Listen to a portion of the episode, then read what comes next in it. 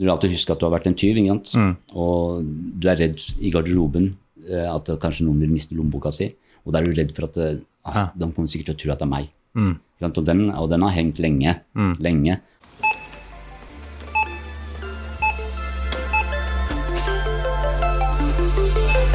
Hjertelig velkommen til Handlevogna, podkasten som tar på alvor at nordmenn er på verdenstoppen når det gjelder å gå i matbutikken. Vi handler mat så ofte at det bare er rett og rimelig at noen lager podkast om matpriser, handlevaner og konkurransen i dagligvaremarkedet. Jeg heter Bendik Solenvist og er bransjedirektør for dagligvare i Virke. Og med meg har jeg som vanlig tallenes trollmann, grafenes greve, diagrammenes djevel, desimalenes Jesus! Mannen som alltid har med seg så gode stats at jeg herved utnevner han til handlevognas egen personlige statsminister. Hjertelig velkommen til Runar Viksnes. Hei! Hva syns du om den introduksjonen? Ja, den var feiende flott. Ja, eh, Og rent formelt så er du altså er sjefanalytiker i, i Virke. og alt det andre jeg også nå nevnte. Det kan du få på gravstøtta di hvis du vil, når den tid kommer. Så, så stor gravstein tror jeg ikke jeg får. Vi får se, vi får se. Men eh, hva med på handleløs i dag, Bendik? Du, I dag så må jeg nesten starte som en standup-komiker. Du vet de som starter med sånn eh, Du, på bussen hit i dag så skjedde det meg noe rart. eh, Sånn, den type intro. Hva er greia med busser, egentlig? Ja, ikke sant? Hva er greia med Ja, og eh, hva er greia med hyttetur, vil jeg starte med da. Fordi det har jo vært langhelg. Jeg har vært på hyttetur i eh, Drøbak, som er en eh, liten by sør for Oslo. Der både julenissen og rallykongen Martin Skanke bor. Visste du det? Oi! Ja, Det kan vi komme tilbake til i en annen episode. Eh, Men når man drar på hyttetur, så må man jo gjerne shoppe litt først. Kjøpe litt mat, litt drikke. Og det gjorde jeg på det lokale kjøpesenteret. Og bak ferskvaredisken møtte jeg en fyr som heter Mimon Kandrosh. En fyr som for bare noen få år siden var rusavhengig og satt i fengsel for 25. gang eller noe sånt på like mange år. Men som nå er fast ansatt i eh, ferskvaredisken på Meny i Drøbak, eh, og snart ferdig utdannet sjømathandler. Jøss. Ikke sant? Jeg syns at den historien som han fortalte, bare var så fascinerende at jeg spurte om han ville stille til podkastintervju, og det ville han. Ja. Eh, Og det er så kult når man eh, tilfeldigvis har med seg en podkastopptaker på hytta og møter sånne folk. Så jeg gleder meg til å vise deg denne lille snutten av en prat jeg hadde på ferskvaretokt i Drøbak. Eh, La, la dette være en oppfordring til alle. Aldri forlat hjemmet uten podkastopptaker. Ja, og hvis ikke du har sånn proftutstyr som eh, jeg har med meg, så kan du også bruke din eh, personlige telefon. Den fungerer også utmerket til å ta opptak. Men uh, siden du er eh, tallenes trollmann og desimalenes Jesus og vår egen statsminister, har du med deg noen tall og analysegreier som har å gjøre med, mm, ja, la oss si inkludering og mangfold, da, siden det er det som er dagens hovedtema? Varehandelen er jo en av de fremste inkluderingsarenaene vi har i Norge. Og det er ikke så veldig rart, eh, for den sysselsetter jo veldig mange mennesker. Hvor mange da? 350 000 mennesker omtrent jobber i varehandel. Altså all mulig varehandel? alle mulige varehandlere, og omtrent 100 000 av de jobber i dagligvarehandel. Det er ganske mye. Det er ganske mye mennesker. Mm. De står for en betydelig andel av sysselsettingen i nesten alle kommuner i landet. Mm. Og det som er så eh, fint med den eh, arbeidsplassen, det er at den er veldig god på eh, jobbtrening. Mm. Altså yrkesrelevant trening på jobb i eh, løpet av arbeidsdagen og i løpet av arbeidsuka. Mm. Det er noe bransjen alltid har uh, beherska godt, og som de, har, eh, de store kjedene har hatt veldig mye fokus på. Og det er en av grunnene til at bransjen, selv om man står for røftlig 10% av sysselsettingen totalt sett, så har de nesten hver tredje som kommer rett fra ungdomsskole, videregående skole, eh, som går ut i arbeidslivet, de ender opp med å jobbe i eh, nettopp eh, butikk. Så vi kan si at det er, sånn, det er lavterskel mulighet til å komme seg inn i arbeidslivet og få testa det, og så lære mens du jobber, på en måte? Ja, det er de veldig gode på. Og når vi spør eh, alle medlemsbedriftene i Virke hvilken type eh, trening og opplæring og kursing og sånn de kunne tenke seg til sine ansatte for å få mest mulig verdi ut av det, så svarer eh, 90% av de i dagligvare svarer som sant er at eh, bedriftsintern opplæring er det som gir mest verdi. Ja, og det gir jo mening, fordi altså, det har vært et sånn push mot at alle skal ta akademisk utdannelse og holde på i, til de er ferdig med en master minst, og noen tar doktorgrad og sånn. Men når du kommer ut i andre enden av det løpet der, så er det ikke sikkert at du har sånn hyper eh, eh, kunnskap. Det kan ofte bli litt for teoretisk, kanskje. Ja, eh, altså det, det finnes jo begrensa hvor mange egyptologer en trenger. på en måte. Er du sikker? det var litt sånn, jeg hørte om, du hørte om han som tok ph.d. i egyptologi Oi. for å bli lærer i egyptologi. Så det er sånn et sånn pyramidespill i på Blindern. Ja. Men i stedet for å klatre til topps av pyramiden, så kan en jobbe på eh, Trekanten eller eh, på andre butikksentre. Mm. Eh, og møte mennesker i hverdagen og bidra eh, rett ut i eh, verdiskapende arbeid. Mm. Og få noen gode opplevelser på veien. Ikke sant? Og det som også er kult, det er jo at eh, det gis mulighet for eh, sånne folk som eh, Mimon, som jeg møtte i helgen, som kom rett fra fengsel og gikk til ferskvaredisken. Skal vi ta og høre litt på hva han hadde å si? La oss høre på Mimon. Hjertelig velkommen til handlevogna Mimon Kandrosh. Tusen takk for det. For eh, bare et par år siden så satt du i fengsel på Ullersmo. Ditt opphold nummer 30 eller noe sånt, over en periode på omtrent like mange år, stemmer det? Nei, da, det er uh, nummer, 24, nei, nummer 25. 25. Ja, fordi uh, fem av dommene, mm, altså de 30, fem av dem er uh, ikke sone i fengsel. Nettopp. Men i dag så møtes vi eh, på Meny i Drøbak, der du jobber i ferskvaredisken. eh, Snart ferdig utdannet, eh, og nylig fikk du også tredjeplass for NM i lærlinger innen sjømathandlerfaget. Stemmer. Stemmer. Gratulerer. Ja, takk for det. Takk for det. Så nå må jeg bare si at jeg gleder meg veldig til å bli bedre kjent med deg, og la lytterne få være med på den reisen som du har vært med på, fra fengsel til ferskvaredisken. Ja. Du, aller først, kan du fortelle litt om, om bakgrunnen din? Ja, jeg er eh, født i Marokko.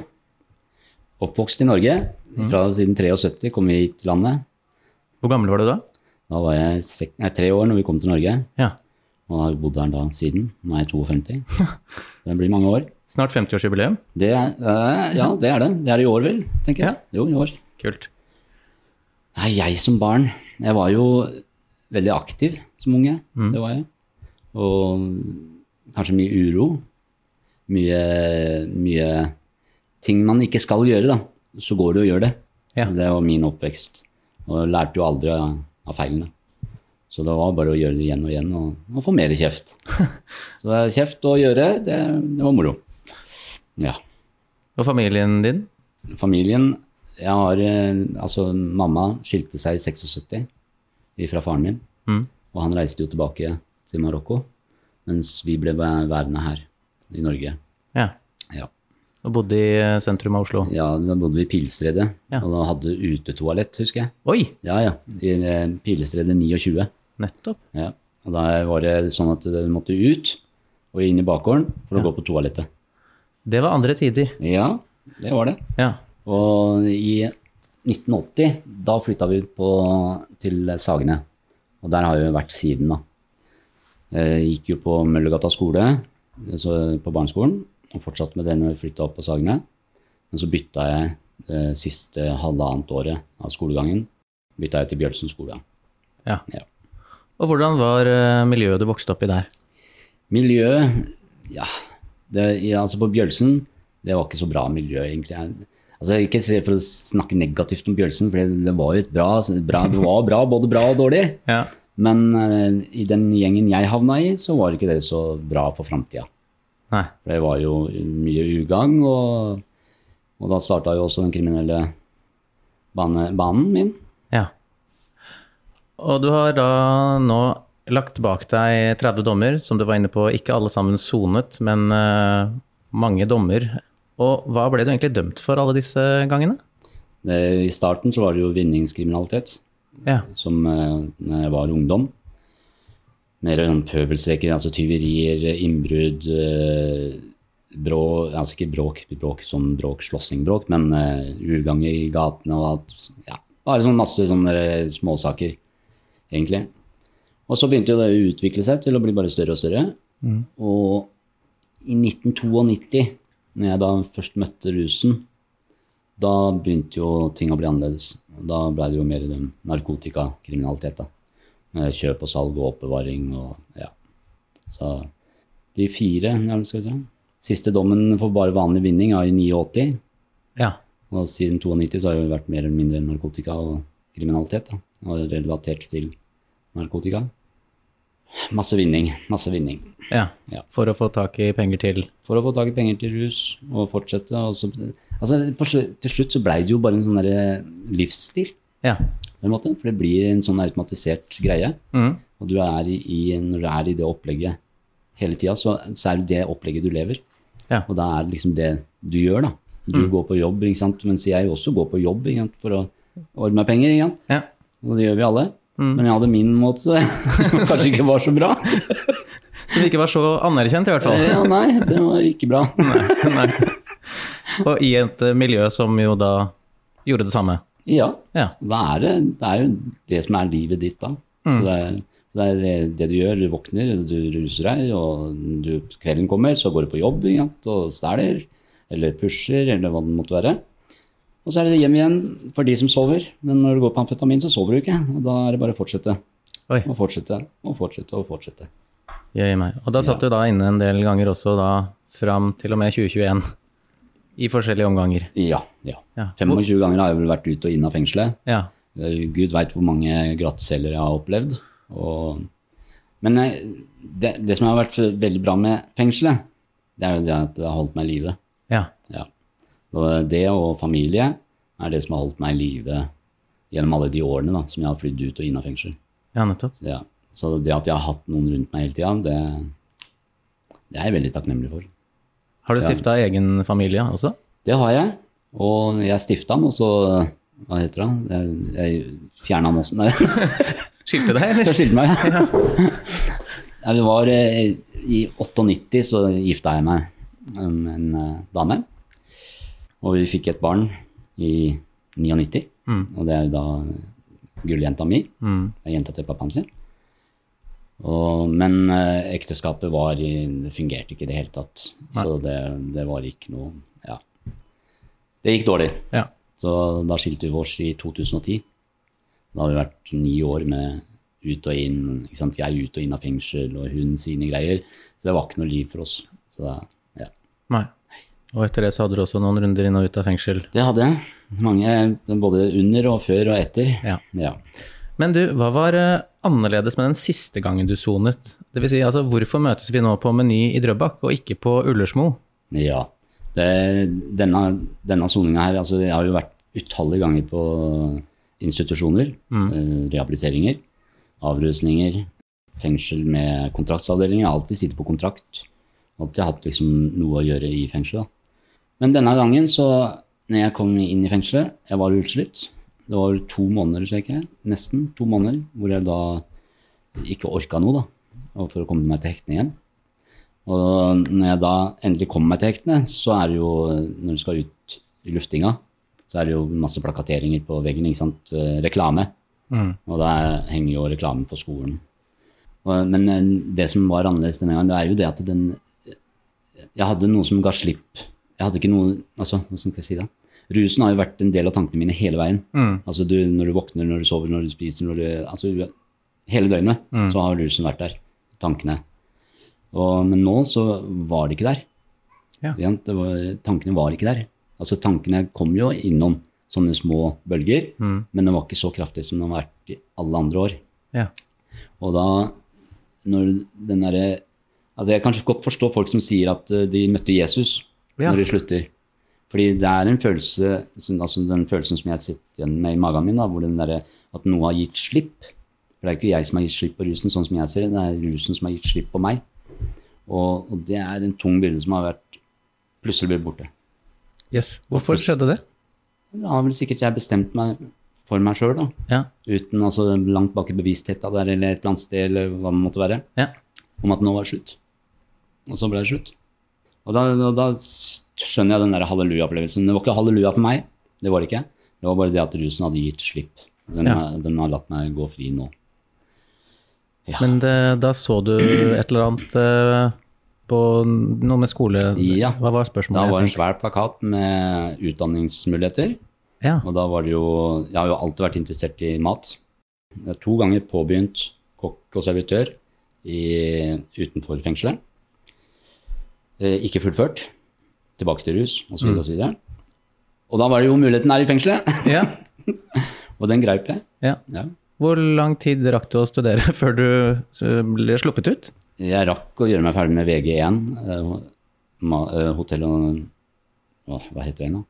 Hotell og næringsmiddelfag, tror jeg. Nei, ja. Mm. Ja, og så er det kokk og servitør. Mm. Det var de to. Ja. Men for å kunne bli ferskvare, så gikk jeg jo feil linje. Ok. Ja. For kokk og servitør så kan du ikke bli ferskvare. Det er en annen linje, det, som heter matfag. Så den måtte vi ta opp igjen. Men den tok jeg ute. Nettopp.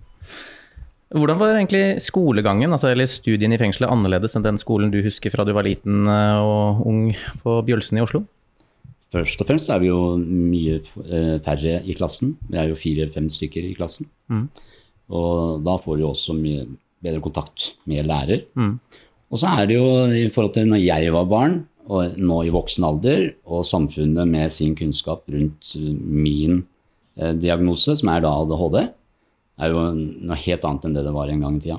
Ja. For det- nå er det jo mer kjennskap til hvordan, hvordan det er, eller hva det er, og hvordan man da kan legge opp studiene etter det.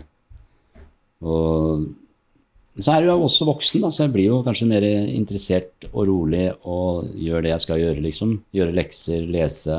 For det har jeg aldri gjort før. Nei. Lekser, det er, hva er det for noe, liksom? Mm. når jeg er ferdig med skolen, så skal jeg gå ut og leke. Eller stjele. Ja. da, da, er du ferdig på skolen. Ikke sant? Men nå, så, i skolen i fengselet, altså jeg satt jo hele dagen og jeg gjorde alle spørsmål i alle bøkene. Og det er helt sjukt det, til å være meg. Mm. Det er det er, jeg har aldri vært borti at jeg hadde svart så mange spørsmål i løpet av, gjennom en bok. Der tok jeg alt og forbereda meg. Og virkelig satsa alt. Og det fikk jeg også belønning for ved at læreren også satsa alt på meg. Mm. Og, og det har tjent meg godt. Og da trilla fireren og femmeren og sekserne inn i kassa? Ja, det er helt sprøtt. Firere, femmere og seksere. Ja, Det er sekser. det er rått, ass. Hva er sekser? Hva er det med deg? Hjelp! Jeg hadde jo eksamen nå i matfag, den linja som jeg måtte gå for å kunne bli ferskvare. Ja. Da var jeg veldig usikker på besvarelsen min, og var sikker kanskje på at jeg skulle stryke. Og så snakker jeg med læreren min og sier nei, jeg tror du får en treer. Ok, så venter vi på svaret, da. Der kommer fem, femmeren! Ja. Femmeren! Femmeren er her! Femmeren! Yes, kult. Nei, det var dritmoro. Ja. Altså, jeg er veldig stolt Ja, og veldig fornøyd. Ja, det er det god grunn til. Jo. Hvordan kom du i kontakt med Meny spesifikt? Ja, jeg hadde en lærer på skolen som har erfaringer fra ferskvaren. Mm. eh, Jacobs på Holte. Ja. Og så har hun også hatt eh, Hun var den første jenta som tok medalje i, i mm, NM, kjøttskjærer. Mm. Så hun fortalte jo litt om det med å, å stå i butikk. da. Og det, det falt i smak for min del. Mm. Så tenkte jeg at det her skal jeg prøve. Og så når jeg da havna på åpen fengsel, når jeg var ferdig med lukka fengsel, gikk over til åpen, da først kunne jeg ta tak i det med å kunne jeg meg å prøve ut ferskvaren. Og da ringte jeg Kløfta Meny på Romerikssenteret på Kløfta og spurte om eh, Hei, kan jeg få lov til å jobbe hos dere gratis? Og, ja, ja, det kan du, men eh, vi kan jo ta en prat. Og da fikk jeg mulighet til å komme bort på et intervju og prata sammen. Og så fortalte jeg min historie og, og hvilken vei jeg ønsker å gå nå. Og det var de interessert i. Og idet jeg fikk på meg uniformen, så var det et eller annet som skjedde. Altså. Det var helt sjukt. Jeg kommer bak disken sant? og hjelper kundene. Det var helt uh, magisk. Så det, ja, det, det var fra første sekund rett inn. Med nye hjertet. På med hatten og frakken, Ja, så ja, ja, ja. Det var dritkult. Og det som men det som er kult med det, det er jo at jeg kunne bare være meg sjøl. ja. For alle andre ganger så har jeg jo holdt min historie skjult. Ikke kunne være den jeg egentlig er, da. Ja. Og, og det kunne jeg i menyen, og det var eh, Da kjente jeg på en sånn frihet. Da var du verken kriminell eller noe annet, bare ferskvare Mimoen. Yes. Men selvfølgelig, det hang jo tanker eh, du, ble- du er jo den derre eh, Du vil alltid huske at du har vært en tyv? Mm. og du er redd i garderoben at kanskje noen vil miste lommeboka si. Og da er du redd for at ah, de kommer sikkert til å tro at det er meg. Mm. Og, den, og den har hengt lenge. lenge. Her på Meny i Drøbak så var det jo noen hansker. Jeg tenkte med hansker, og dem har vi inn på kontoret. Og der er det en svær safe. Og da var det en kollega som sa nei, du bare går inn der, og så henter du der. Og når jeg kommer inn der, og så ser jeg safen, og bare løper jeg ut igjen. Nei, nei, nei, nei, nei, kan du være med meg? Kan du være med meg? Du må vitne på at ikke du har vært i ja, safen. ja, ja. Uff. Men nå klarer jeg det aleine, da. Ja. Ja. Uten noen sånne tanker. ja. Men hvordan føltes det egentlig å begynne å jobbe med mat og mennesker på den måten? Vet du hva, det, er, det er det beste som har skjedd meg, det er eh, den, å, å selge mat til mennesker. Ja. Fordi det- kundene, det er, det er stort. ja. Ja. Og de som kommer til ferskvaredisken, de de har jo en plan. De vil jo gjerne Der kan du jo faktisk bidra skikkelig til at det måltidet blir ekstra bra. Ja, det kan du. Og nå er ikke jeg så innmari, innmari flink, flink, flink, men eh, jeg kan litt. Og jeg har jo fått noe her inne da, som jeg liksom har fått påført kundene, og det er jo den doraden vår Ja, med sitron. Og den er jo altså det mest bare utlenske ja. ja. befolkningen som spiser. Er ikke det en middelhavsfisk? Jo, og norske da når de er på eh, tur eh, ned i Hellas. Det er det eneste gang de spiser. Nå har de begynt å spise det her òg. Ja. Ja. ja, Gamle damer. Ja. Kan ikke du rense den for meg sånn som du pleier å gjøre, er du snill? Ja. Hva var det jeg skulle ha igjen? Var det søtpotet? Ja. Ja. Dorade, sitron og søtpotet. Ja, ja. Drøbak spesial. Aioli. Kult. Men vet eh, dine faste kunder om eh, bakgrunnen din, og i så fall, hva sier de? Ja, det, I starten så var det ingen som visste noe om det, utenom de ansatte. Men når første historien min kom ut i Anta, Drøbaksavisa her Ja, eh, Nei, nei, unnskyld, unnskyld, de har jo ikke hatt eh, historien. Fri fagbevegelse. ja den Og så var det jo Meny-filmen. Nå går det rundt meg. Nei, det er mye greier. Nei, men, det, Men, men det er eh, klart at eh, når du stiller opp i intervju, så Ja. blir det jo Yes. Da sprer ordet seg. Drøbak er jo ikke verdens største by. Nei da. Ja, altså jeg ble først tatt imot med åpne armer, og her var et nytt innskudd i Drøbak, Ja. eh, Backfashfaren, Ja. som mange kanskje ønska seg. Og etter det, når jeg da kom ut med historien, så ble det jo bare enda større. Ja. Responsen har vært helt utrolig. Jeg var redd for at jeg skulle skremme Drøbaks befolkning, men det gjorde jeg ikke. Det, det har bare vært positivt alt sammen. Ja. Og virkelig, altså det, alle de der ordene liksom å stå på videre, og vi heier på deg og, og alt det der, det, det var stort. Ja. Og NM, ikke minst. Hver dag så kommer de inn. 'Når er det du skal i konkurransen, da?' ja. 'Vi er med deg!' Er det livestreaming Ja, ja. Vi er med! Kult. og så kommer du hjem med medaljer. Det er verst av alt. og Det var jo dritkult. Ja. Ja. Er du gira på flere konkurranser, sånn eh, når du ikke er lærling lenger, men sånn Jeg var det når jeg var i konkurransemodus, så var jeg det. Ja. Men nå så, har så er det er mye. Ja. Så jeg lurer jeg, jeg er veldig usikker, ambivalent. Ja. Skal, skal ikke, skal, skal ikke. Så det har ikke kommet noe dato ennå for konkurransen. Nei. Men det er fullt mulig å, å ta lærlingkonkurransen, for det er siste sjanse til det. Ja. For neste år så er jeg jo faglært. Så det har vært moro å tatt gullet, da. ja, ikke sant? Ja, som Og lærling. Og så er det jo helt greit også etterpå å bare kunne gå på jobb og smile til kunden og, Ja, og ha en vanlig hverdag. Jeg tok en til, jeg. er det greit, eller? Skal vi se. Um, hva er det med jobben i ferskvaredisken som du liker aller best? Aller best er eh, det å, kunne være seg selv. Ja. Altså den eh, humoren Eller jeg tuller veldig mye her på jobb, da. Ja, Jeg, og jeg tuller med alle. ja. Altså ikke noe sånn eh, dårlig tulling. Det skjønner hva du mener. Men vi fleiper og har moro. ja. Og det kan jeg også gjøre med kundene, Mm. og det er dritkult. Når, eh, altså, sånn som jeg pleier å si til disse eldre damene, er at liksom, altså, den servicen hun får, da, det er jo liksom for at hun skal, liksom, når hun kommer hjem, Mm. Så skal jo hun si til eh, barnebarnet, eller nei, ikke barnebarnet, men eh, dattera, Mm. ja, eller voksen barnebarn, at har du møtt han gamle mennen på Meny? Mm. Han er snill, han!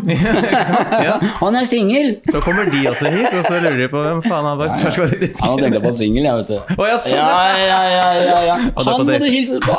ja, ok. Nettopp. Er dette en, er dette, dette er en litt sånn annen variant av Tinder? En litt mer sånn Det er det. Ja. Det er det. Ok. Og det er jeg som er mekkan. Nei da, det er, vet du hva, det er kundebehandlinga og kollegaene Ja. som er eh, stort. Ja. ja, det skjønner jeg godt. Um, har du tatt med deg noe fra ditt eh, gamle liv som du drar nytte av her, eller har du parkert den delen av livet? Nei, den er helt parkert. Ja, det er ingenting av det å ta vare på. Nei. Altså, det eneste, den, Men den vil jo alltid være med meg, det er diagnosen min. Mm. ikke? Og det å ikke gå på medisiner, da. Ja, for det kunne du ha gjort hvis du Det hadde kunne lyst. jeg gjort, Ja. men jeg, den narkomane i meg, vet du, den vil bare misbruke det. Ja. Mm. Og jeg har misbrukt det før, så, så jeg tør ikke å ta sjansen. Nei. Og det betyr jo da at da må jeg slite med at jeg er veldig aktiv. Jeg har et høyt tempo, Mm. og jeg har et tempo som går over lengre tid. Mer tid enn det jeg egentlig trenger å gjøre. Mm. Så, men det er for å slite meg litt ut òg, da. Ja. Når jeg kommer inn på kvelden. Ja, hva gjør du da for å slite deg ut? Da, altså bare jobbe, jobbe, jobbe. Ja. Og så legger jeg inn ekstra timer. Ja. Ikke noe sånn overtidsarbeid eller sånt, det er altså fri vilje, hvor jeg gjør ting av egen fri vilje. Og da blir det noen timer over, Mm. så nå har hun begynt å jage meg ut, nesten. Nå må du komme deg hjem, nå må du komme deg hjem. Slapp av, slapp av, dette er bra for meg. For det, det som skjer da, er jo at det, når kvelden kommer, så er jeg sliten. Ja. Når jeg da kommer hjem, så er det bare å legge seg ned på sofaen. Eh, Det er ikke alltid jeg rekker å lage meg middag, eller orker å lage meg middag. Nei. Og det er bare til Netflix og NRK og hva det måtte være. Og det er bare å se på TV-en Ja. og tenke lite. Hadde det vært sånn at jeg går hjem på arbeidstida og, eller, og ikke sliter meg ut sånn som jeg gjør i forhold til tempo, Mm. så hadde jeg nok grubla mye mer. Mm. For den ADHD-en er en sånn her grublesak. Ja. Så du trenger egentlig bare å slite deg ut sånn at hjernen får hvile Ja, til slutt. men selvfølgelig, jeg må jo ta vare på helsa. Ja. Så, men eh, det går helt fint, og jeg kommer meg jo på jobb eh, når jeg skal på jobb. Og, Ja. så det er ikke noe sånn at det går utover arbeidet. Du har ikke vurdert å begynne å løpe sånn der eh, halvmaraton etter jobb bare for å Nei, vet du hva, knærne mine, jeg sliter med menisken. Okay. Ja, det er min gamle, jeg har jo betalt nå ett år medlemskap på Family, det er et treningssenter rett borti gata her. Ja. Jeg var, det har vært der én gang, og det var den dagen jeg åpna det abonnementet. Og da trente jeg ikke heller, for da var jeg bare innom, og det var tilbud. ja. Ja, den vil jeg ha, sier jeg. Og jeg har ikke vært der en eneste gang. Nei. Men du er, det er kanskje deres beste støttemedel, da? Ja da. Så jeg tenker, jeg syns det er ålreit, jeg. Ja. Ja. Jeg trener mer enn nok på jobb. ja. Ja. Hva vil du si til andre som kanskje er i en lignende situasjon som du var i tidligere? Har du noe råd til dem? Ja, for, for min del så har jeg opplevd noe nytt. Mm. Og det har vært det å være åpen. Først så starta jeg med det å være åpen blant kollegene. Og nå er det jo fullstendig åpenhet. Og det har gjort at jeg kan eh, altså, være mer fri, da. Så jeg ville bare lagt meg flat jeg så bare sagt hvem jeg er, og hva jeg har drevet med, og hvor jeg er henne nå. Så er det akseptabelt, altså. Mm. Jeg var redd for at folk skulle bli dømmende, men det er ikke sånn. Nei. For jeg vet at mange, mange av de som kommer hit og handler hos meg, har også vært utsatt for tyveri. Vært utsatt for at en sånn som meg har vært hjemme hos dem eller sterkt bilen eller hva det måtte være. Mm. Og allikevel så dømmer de deg ikke. Ikke? Så det bare heier på deg til å gå framover. Det er min anbefaling. Det er å være åpen. og så bare gi alt. Gi jernet. Gi gjerne. Ja. Hva vil du si til butikksjefer da, eller andre i bransjen som eh, ja, kanskje får jobbsøknader fra noen med bakgrunner som ligner din? da? Jeg vil bare si til de at eh, jeg anbefaler dem å gi dem en sjanse. Ja. Og du merker fort om det her går eller ikke går. Mm. Fordi hvis personen ikke vil, og ikke gjør det med en ærlig sak, så detter den fort ut. Mm. Ja. Og det vil du merke med en gang. Mm. Eh, er du heldig, så kanskje du får en som meg. Hei, hei, hei. Det kan være en Mimon 2. Kan være! Men uh, da, da får du i hvert fall en som vil, som er med Ja. og engasjerer seg. Gi dem en sjanse, Ja. og du merker fort om de er der eller ikke er der. Det gjør du. For det er mye, mye ressurser altså, i, i det som er bak murene. Masse ressurser som er bortkasta. Er det noen andre som jobber altså Nå jobber du i en, i en matbutikk som har en relativt stor matbutikk med ferskvare. Hvor stort spenn er det i folks bakgrunn her på Åh. butikken? Her finner du alt mulig. Det er vel alt mulig, tror jeg, i Meny. En åpen og inkluderende sjappe? Ja, ja, ja. Det er eh, family. Altså alt ifra det eh, innvandrer til uh, rusmisbruker til uh, kanskje altså en, heter han, litt mer diagnoser. da. Ja. Andre diagnoser, psykiske f.eks. Altså her finner du alt. Mm. Finner alt. One big happy family. Yes. Plass til Alle alle. hver sin. Ja. Ja, ja. Det Og det funker. Ja. Det funker bra. Mm. Ja. Helt til slutt så har jeg et obligatorisk dobbeltspørsmål til alle mine gjester. Her kommer det. Nå kommer det. Vent, da. Hva er din favorittmatrett hvis du er gjest eller går ut for å spise? Og hva er din signaturrett hvis det er du som får gjester på besøk? Ja. Altså, jeg elsker oksehaler, da. Oksehalegryte, men på marokkansk vis. Ja. Ja. Det er det beste som er. Ja. Altså oksehalekjøtt. Fy flate. Men Det altså, da må jeg bare si, kanskje ikke så veldig overraskende, men du er den første gjesten i handlevogna som har hatt det på favorittlista si. Ja, der ser du. Ja. Ja. Nei, det, det lærte jeg. Altså, mamma har jo laga det til oss når vi var små. Og fra den, fra den gang Altså, det, det kjøttet er sånn klissete og litt sånn seigt. så- Det, det, det er liksom, du må bare fikle med fingrene og Ja. ja, dyppe med brød. Ja. Og så spise på en måte med hendene, da. Nettopp. Og hvis jeg lager f.eks. den eh, Ja, så er det den doraden, altså. Ja. Den doraden er helt sjukt god, men du må ha søtpoteten til. Ja. Og du må ha sitronen ja. og litt vanlig potet. Ja, hvordan tilbereder du den? skraper den, eh, skraper fisken og renser den alt det der. Mm. Snitter den. Og så har du i sitron. Og det, det er jo et konsept vi har her på Meny. Ja. Den doraden med sitron. Ja. Så den selger vi på sommeren. Og så tar du søtpotet. Kutter opp i små terninger, eller båter, og vanlig potet. Men de salter du, peprer, og så har du basilikum og timian tørt. Mm. Det tørre krydder. Og gnir det inn med olje. Fisken sterkere du 200 grader, kanskje en halvtimes tid. Mm. Så får den litt sånn crispy og god. Mm. Og sitronen, den blir jo bare, nei, jo, sitronen blir jo bare karamellisert. Ja. Så du må ha masse, altså et par skiver inni. Og så må du ha masse sånne små terninger som du drysser rundt, som du drysser rundt omkring i, i formen. Med søtpoteter og alt. Rett inn i ovnen. Mamma mia. En halvtime. Så kan du bare ha en aioli. Ja. Det var det søstera mi som introduserte. Jeg spiste den hjemme hos henne. Og det var helt. Og nå er den liksom er en min favoritt. ja. Og også noe dere pusher i, Det gjør vi. I mangel av et eh, Ja, dårlig, ja. bedre uttrykk. Nå er det flere i Drøbak som har den som favoritt. Ja. Ja. Vi kan vel si at det er bedre å pushe Dorad enn uh, Det er det. Det er det. Jeg har bestilt to kasser til tirsdag, så det er bare å komme. Ja. Hør på det. Kom på tirsdag med ny Drøbak. Ja. Tusen takk for at uh, du kom på besøk til handlevogna, eller at jeg fikk lov å komme på besøk til Meny Drøbak, Mimon Kandros. Bare hyggelig, og tusen takk for at jeg får lov til å være med. Dette var moro. Enig. Litt svett i panna, men ellers greit. Jeg syns du klarte deg kjempefint. Ja, ja, det var ikke noe farlig. Nei. Det var ikke farlig.